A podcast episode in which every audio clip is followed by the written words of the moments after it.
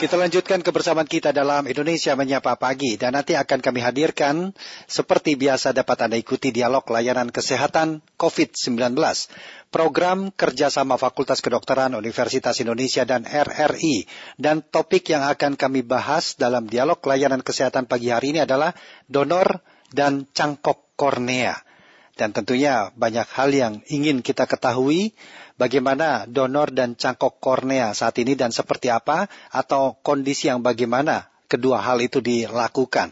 Dan nanti kami undang Anda untuk dapat berpartisipasi dalam dialog kami di 021 352 3172, 021 384 4545, 021 386 6712, serta melalui pesan WhatsApp kami di 081 399 399 888. Dialog Layanan Kesehatan kerjasama Pro 3 RRI dengan Fakultas Kedokteran Universitas Indonesia. Dan untuk membahas topik dalam dialog layanan kesehatan kami, yaitu donor dan cangkok kornea, kami telah tersambung bersama dengan narasumber kami, Dr. Rio Rendi, SPMK FAEH, dari Departemen Mata. Selamat pagi, Dr. Rio. Pagi, pagi. Gimana, iya. Pak? Ya. Iya, kabar baik. Mudah-mudahan dokter Rio juga dalam kondisi yang baik nih dok ya. Alhamdulillah baik. Ini suara saya jelas ya, terdengar? Jelas dok, jelas, jelas sekali. Baik, dan nanti pendengar sekali lagi dapat Anda Anda dapat berpartisipasi, berinteraksi bersama dengan narasumber kami, Dr. Rio Rendi di 021352 3172 atau 0213844545 serta 0213866712 dan juga dapat melalui WhatsApp kami di 081 399 399 888. Langsung saja kita mulai dengan Dr. Rio Rendi. Dokter mungkin bisa dijelaskan terlebih dahulu apa yang dimaksud dengan donor dan cangkok kornea ini dok. Oke, ya baik terima kasih. Ini maaf eh, dengan Pak siapa? Saya dengan uh, Rudi dok. Oke, okay, dengan Pak ya. Rudi maaf. Ya. Oke okay, baik. Terima kasih Pak Rudi. Jadi memang uh, mata itu ya ketika uh, seorang manusia itu bisa melihat dengan normal, dia harus memiliki sistem uh, penglihatan yang normal juga. Pertama, sistem penglihatan itu dimulai dari uh, cahaya yang masuk ke dalam mata, lalu akan ditangkap oleh uh, saraf mata dan akan diteruskan ke otak dan di otak nanti akan diinterpretasikan, akan dibaca ini gambar apa, itu. Nah, untuk sampai ke saraf mata, maka sinar itu harus masuk ke dalam uh, sampai ke saraf mata tanpa ada halangan, uh-huh. ya, dengan pemfokusan yang baik, maka sinar akan sampai dengan fokus yang baik itu di saraf mata. Nah, eh, step-step itu bisa sampai ke saraf mata itu dia melewati beberapa bagian dari organ mata. Di ya. antara yang paling depan ada kornea. Yang kalau kita lihat itu, kalau kita lihat dari depan, kita lihat orang itu warna hitam, mm -hmm. ya. Tapi kalau kita dari samping itu ada bening dia, mm -hmm. bening. Itu kornea. Lalu dia melewati pupil. Pupil itu kalau kita center mata orang itu ada celah kecil hitam di tengah-tengah itu namanya pupil. Itu dia bisa melebar bisa mengecil tergantung sinar yang masuk ke dalam mata. Nah, pupil itu mengontrol sinar yang masuk. Oke. Setelah dari pupil akan masuk ke sampai ke lensa. Lensa itu yang nantinya juga akan dia bisa memfokuskan diri, ya bisa melebar, bisa mengerucut sehingga bisa memfokuskan sinar sehingga sinar itu bisa sampai ke uh, retina, ke saraf mata dengan uh, tepat. Yeah. Itu. Nah, lapisan-lapisan ini yang kornea dan lensa ini itu uh, sangat uh, di, berpengaruh terhadap uh, sinar yang masuk. Sama seperti kita di dalam rumah ya. Kalau kita ingin rumah kita terang tapi lampunya mati, kita dengan cara nyalakan buka jendela kalau siang hari. Mm -hmm. Kalau jendela kita kotor, maka otomatis sinar yang masuk pun juga berkurang. Yeah. Atau jendela kita misalkan dicat warna putih, maka otomatis sinar masuk juga berkurang walaupun ada sinar. Nah, bagaimana caranya biar uh, sinar itu masuk dengan cara dengan baik? Maka tadi kornea itu harus jernih, mm-hmm. lensa pun harus jernih. Nah, mm. pada kondisi tertentu ya uh, kalau kita bicara dari depan kita bicara kornea bisa terjadi kekeruhan pada kornea. Banyak penyebabnya ya. Yang paling sering itu karena luka. Ya, karena luka atau ya karena trauma misalnya terkena benda asing atau apa pun sehingga terjadi uh, jaringan sikatrik atau jaringan parut. Sama seperti kalau kita luka di badan, maka dia ada bekas luka biasanya kan. Bisa kita luka di kulit kita, ya. bekasnya itu ada. Nah, kornea itu dia jernih harusnya. Tapi karena dia luka dan nanti dia insya Allah sudah sembuh, tetapi permasalahannya dia tidak bisa meregenerasi kembali jernih lagi, mm-hmm. sehingga dia akan ada bekasnya. Nah, bekasnya itu kalau dia menghalangi jalur penglihatan sinar masuk ke dalam mata, artinya dia di, di, di tengah-tengah lukanya, maka otomatis akan terganggu penglihatannya. Nah, kalau yang lensa di belakangnya, kalau keruh, tinggal operasi katarak, itu insya Allah lebih mudah. Nah, kalau untuk kornea, ketika dia mengalami kekeruhan, maka dia tidak bisa mengganti diri sendiri. Dan sampai saat ini uh, belum uh, teknologi masih terus berkembang ya untuk uh, bagaimana bisa mengganti kornea. Ya, uh, sampai saat ini yang paling uh, banyak digunakan, yang paling advance ialah dengan penggunaan teknik cangkok kornea untuk mengganti kornea yang sudah rusak mhm. -huh. dengan kornea yang masih jernih. Didapat dari mana? didapat dari pasien yang sudah mendonorkan korneanya itu dia mendonorkan ketika dia setelah wafat. Jadi dia sudah membuat apa surat uh, persetujuan sebelum yeah. wafat atau dengan juga dengan pihak keluarga, dia setelah wafat saya bisa diambil korneanya. Jadi korneanya. Ya, intinya Dokter Rio, uh, baik donor ataupun cangkok itu adalah uh, dari eksternal ya sumbernya, keduanya. Ya, betul dari uh, manusia lain dari ya dari pendonor lain. Iya. Yang membedakan apa secara dari sisinya ada baik itu kalau cangkok ataupun donor yang membedakan secara spesifik apa ini dok? Maksudnya bagaimana? Eh, ya. Dia cangkok itu kan sama-sama dengan donor. Jadi sama itu ya? Sama, itu beda istilah aja. Kalau oh, cangkok, okay. Ya. Iya, mereka dicangkok donor itu orang yang mendonorkan matanya. Mm -hmm. Donor itu orangnya, cangkok itu kemudian hasilnya itu akan dicangkokkan ke dalam mata seseorang, begitu dok ya? Betul, betul. Iya. Kondisi yang bagaimana dok? Eh, hal ini bisa dilakukan? Nah, kalau uh, beberapa, jadi uh, kornea itu kita bisa uh, kita cangkok ya kita donor kita pasangkan dari donor lain dengan syarat uh, fungsi sarafnya masih bagus. Hmm. Ya. Kalau memang fungsi sarafnya sudah tidak bagus, tadi ada beberapa periksaan yang bisa kita nilai dari eh, macam-macam nanti kita bisa nanti bisa nilai dari kelistrikan dari uh, saraf matanya. Jika semuanya masih bagus dan uh, kondisi matanya juga masih stabil, kita bisa lakukan cangkok kornea. Yeah. Memang ada beberapa penilaian lain yang kita bisa pertimbangkan. Uh, apakah ini resiko uh, terjadi penolakan atau tidak? Uh, grade tinggi, sedang atau rendah. Itu mm-hmm. tergantung dari kondisi mata tiap pasien beda-beda. Mm-hmm. Baik. Dan apakah uh, seseorang yang mengalami gangguan penglihatan sejak dini, hal ini bisa menjadi solusi donor cangkok ini, dok? Oke. Okay uh, maksudnya dini itu dari kecil berarti ya? Iya. Iya, oke. Okay. Jadi memang uh, ketika memang wadarullah anak ada seorang anak itu dia luka matanya ya, atau dia sakit sehingga jadi ada infeksi di matanya dan terhalang penglihatannya, maka kita juga harus menilai juga uh, dari perkembangan saraf mata. Ketika pada anak-anak itu uh, saraf itu masih berkembang secara pesat, mm-hmm. dia berkembang pesat jika di bagian saraf penglihatan ya, di otak bagian yeah. penglihatan dia bisa berkembang pesat jika dia melihat secara jelas. Maka akan direkam dan otak berkembang gitu. Ya. Tapi ketika ada gangguan penglihatan sehingga terhalang sinar yang masuk ke dalam matanya, oleh karena menyebabkan bayangan itu terbentuk jadinya nggak jelas di dalam uh, retinanya. Nah, sehingga ada yang namanya uh, respon dari otak itu dia menurunkan fungsi matanya, fungsi penglihatannya, namanya amblyopia. Baik.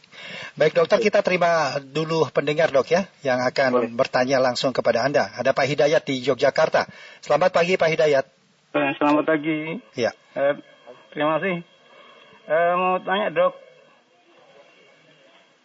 Ya silakan Pak. Ya. Eh, gini, eh,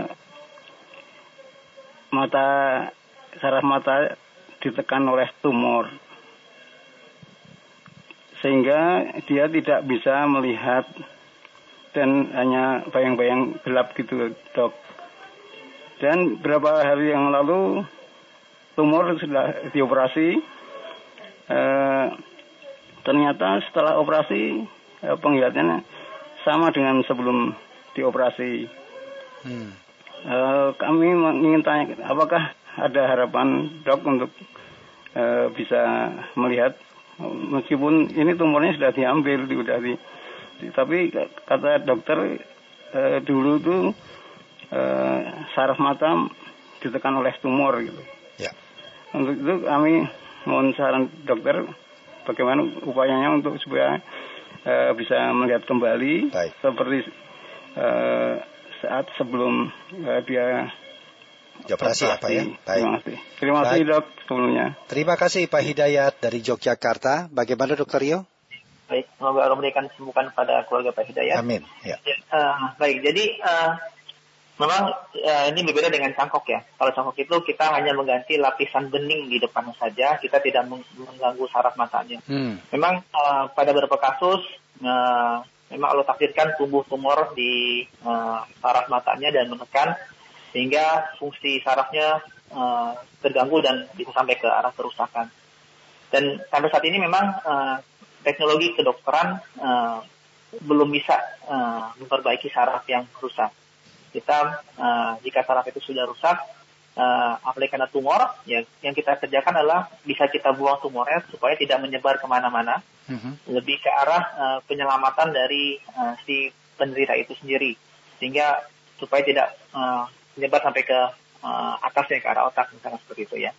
Jadi memang kalau sampai saat ini secara teori medis, secara teknologi uh, belum ada uh, uh, teknologi terbaru yang bisa memberikan penglihatan kembali pada pasien-pasien yang dengan kerusakan saraf matanya, terutama misalkan akibat tumor.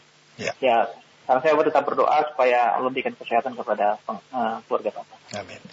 Baik, silakan pendengar kembali dapat menghubungi kami di 021 352 3172, 021 384 4545 atau di 021 386 6712 atau melalui pesan WhatsApp kami di 081 399 399 888 dengan tema kita donor dan cangkok kornea. Ya, eh, dan kita tampaknya sapa lagi pendengar ini, Dokter Rio ya, sudah ada. Pendengar berikutnya ada Pak Ismail di Trenggalong. Selamat siang Pak Ismail.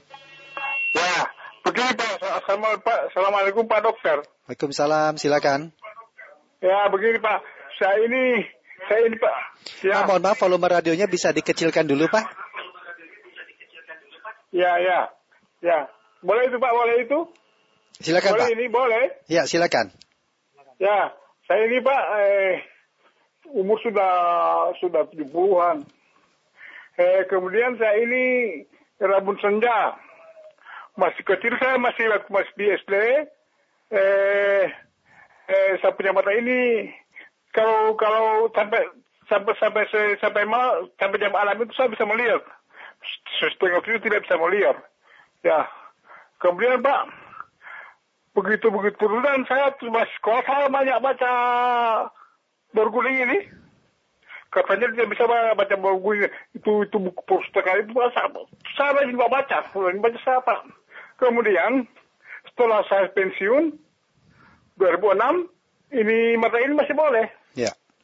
Masih boleh mata ini yang sudah ini. Lalu nanti kira-kira setelah lima tahun saya pensiun, mata ini sudah, sudah mulai kabur, tidak ada, sudah hmm. masih lagi. Hmm. Kemudian saya pikir dokter di Batu Nadi, dokter Batu Nadi Manado, Ah, dia dia bilang ada ketara kecil di situ. Kemudian dia kupas pak ini mata ini yang sebelah kiri, yang sebelah kiri itu karena kerja masih baik. Kemudian pak setelah di di di di di di di, di, di, operasi di mata ini yang sebelah kiri karena ada katarak, baru dia dengan lensa. Lensa yeah. dia pasang lensa sampai sekarang pak. Yeah. Kemudian pak. Yang oh, yang ingin ditanyakan secara langsung apa ini Pak Mereka bilang Pak rusak saya punya ini. Ya. Saraf sudah rusak. Sampai sekarang Pak sudah bisa dua tidak bisa melihat. Coba kali itu yang parah, yang kiri masih agak ada masih dapat itu yang terang-terang. Ya, yang ingin ditanyakan secara langsung bisa disampaikan Pak Ismail? Yang saya tanyakan, apakah saraf mata ini sudah rusak ini bisa di bisa diobati Pak? Hmm, baik. Ya, baik Pak Ismail, terima kasih. Kami sudah menangkap apa yang Bapak maksudkan. Bagaimana Dokter Rio, apa yang dikeluhkan oleh Pak Ismail tadi? Ya, baik. Terima kasih Pak Ismail. Semoga Allah memberikan kesembuhan kepada Pak Ismail ya. Bisa melihat kembali. Baik, uh, memang tadi se seperti yang sudah dijelaskan kepada uh, Pak Hidayat sebelumnya kasusnya ya. Uh, ketika ya. masyarakat mata itu uh, sudah mengalami kerusakan, uh, secara teori medis, secara teknik teknologi sampai saat ini uh, kita masih belum ada ya uh, bagaimana kita bisa memperbaiki uh, saraf mata lagi. Nah, jadi saran saya mungkin uh, Bapak uh, Ismail ya, uh, mungkin bisa lebih menjaga yang untuk yang mata sebelah kirinya, dijaga lebih hati-hati lagi dan uh, ya uh, apa namanya lebih mungkin kontrol rutin ya ke dokter mata setempat dan ya supaya tetap uh, yang kiri masih ada harapan untuk bisa melihat walaupun uh, dengan jarak dekat. Baik itu paling uh, Bapak Rudi. Ya. Baik, berikutnya ada Pak Paul di Bekasi. Selamat pagi, Pak Paul. Selamat pagi. Ya. Selamat pagi, dokter. Saya kena penyakit retinitis pigmentosa. Sudah lama. Dan sekarang sudah mulai tinggal 5% lah. Nah, sekarang pertanyaan saya, apakah ada teknologi baru yang di Amerika atau di mana itu yang bisa mengoperasi uh, penyakit mata retinitis pigmentosa? Saya kira kita aja. Terima kasih. Baik, terima kasih Pak Paul di Bekasi. Silakan dokternya. Baik, terima kasih Pak Paul. Memang pigmentosa ini uh, berhubungan dengan gen ya. Dia penyakit itu berjalan uh, terus mengalami per, biasanya berburukan dari usia saat dia didiagnosis terus sampai usia uh, bertambah lanjut.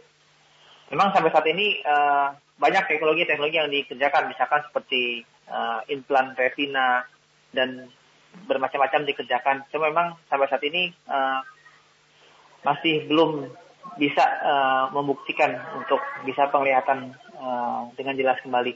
Memang ada beberapa kasus yang di uh, dengan apa alat khusus ya sehingga dia dioperasi walaupun demikian hanya bisa melihat jarak 1 sampai 2 meter saja. Tapi ya itu paling maksimal dari uh, tindakan op uh, operasinya. Tetapi kalau secara umum uh, belum ada teknologi khusus yang bisa memperbaiki penglihatan kembali ke normal kembali untuk kasus uh, hmm. apa. Ya. itu baik. Baik. Jadi syaratnya adalah uh, kondisi syaraf mata itu masih dalam kondisi yang baik untuk bisa dilakukan donor atau pencakokan tadi itu dok ya. Dan Betul. mungkin ada informasi dok, syarat bagi pendonor apa saja? Oke, okay. uh, syarat dari bagi pendonor itu sebenarnya nggak tidak ada syarat khusus ya. Uh, yang penting uh, diketahui oleh pendonor dan pihak keluarga dan pendonor itu uh, nanti uh, harus bebas dari segala macam uh, penyakit kronis, misalkan seperti hepatitis, seperti HIV, lalu penyakit autoimun lainnya.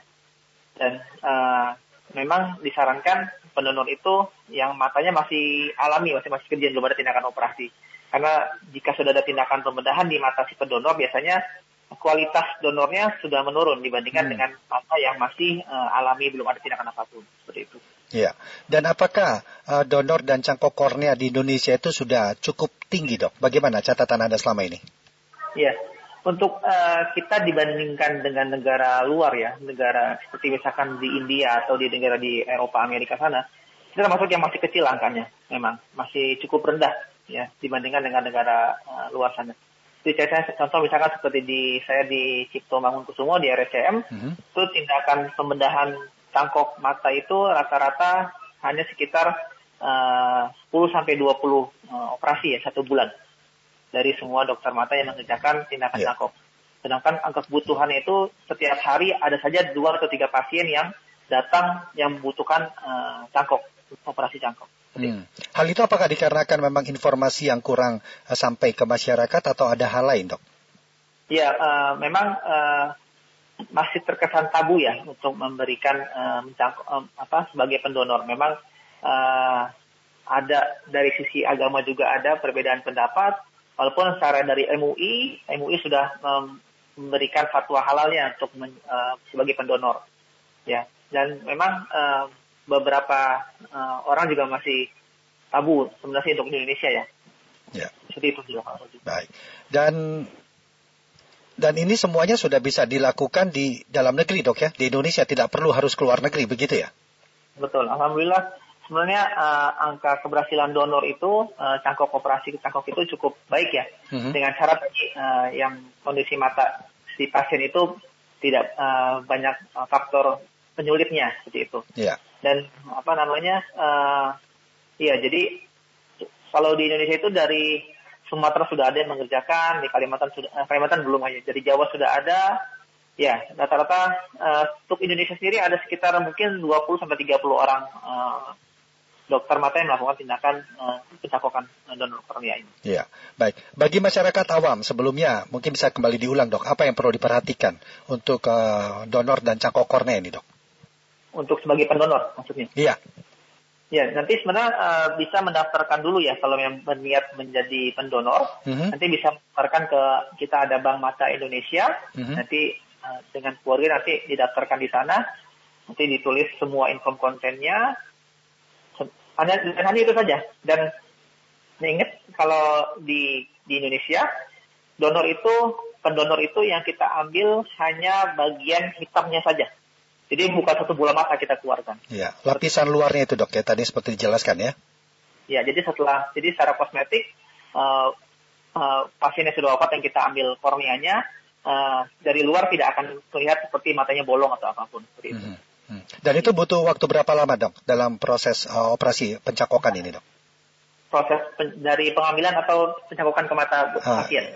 Keduanya, dari pengambilan kemudian dicangkokkan ke mata pasien. Oke, okay. kalau pengambilan itu nggak lama ya, maksimal setengah jam biasanya. Ya, hmm. dengan tuh pengambilan dari nanti ada tim itu datang dari timbang mata, nanti mengambil matanya itu, mengambil korneanya itu hanya mungkin sekitar setengah jam uh, tindakannya.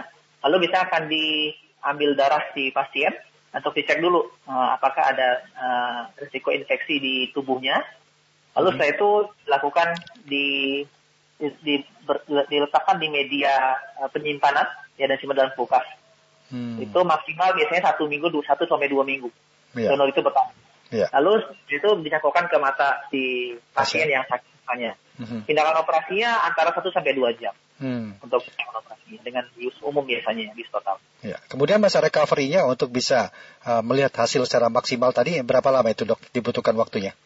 Oke, okay. semua tergantung dari jenis. Uh, jadi cangkok kornea itu dia ada bermacam-macam uh, teknik ya, bermacam jenis juga apakah dicangkok semuanya, apakah dicangkok perlapisannya saja, tergantung kerusakannya di mana.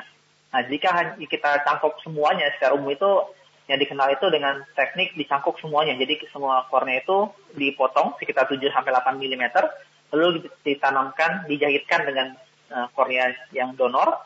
Biasanya butuh waktu sekitar 6 bulan.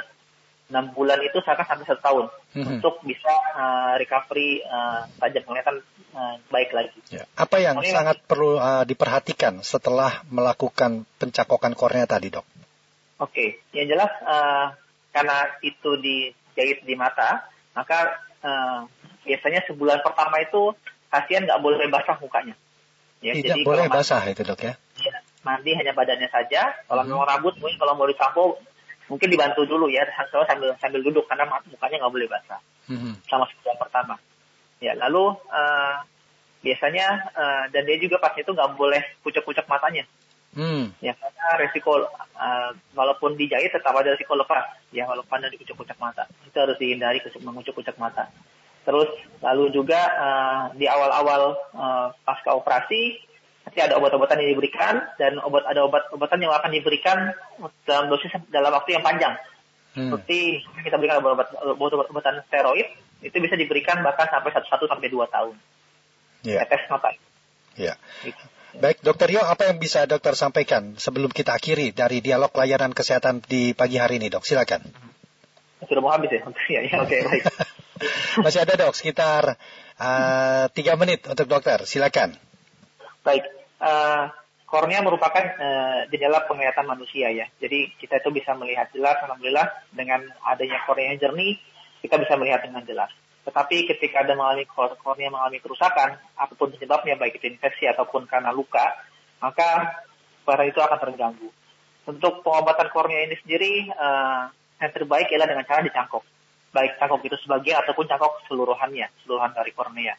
Dan cangkok ini uh, membutuhkan donor ya. Donor itu uh, jadi dengan menjadi pendonor maka anda bisa uh, menjadi uh, salah satu bagian uh, yang uh, uh, penyumbang untuk uh, seseorang bisa melihat kembali dengan lebih baik lagi. Baik itu paling Baik. Uh, ya, terima kasih Dokter Rio Randy sudah bersedia berdialog layanan kesehatan COVID-19 bersama dengan Pro 3 RRI pada pagi hari ini, dok. Semoga apa yang disampaikan bermanfaat buat kita semua. Ya, terima kasih, Dokter Rio. Kita akan bertemu di lain waktu dan selamat pagi. Pagi. Demikian tadi pendengar dialog layanan kesehatan COVID-19 kerjasama Fakultas Kedokteran Universitas Indonesia dan RRI dengan tema kita donor dan cangkok kornea bersama dengan Dr. Rio Rendi, SPMK FAEH dari Departemen Mata. Dan terima kasih untuk Anda yang sudah berpartisipasi dalam dialog kami tadi di 0213523172 atau 0213844545 serta 0213866712.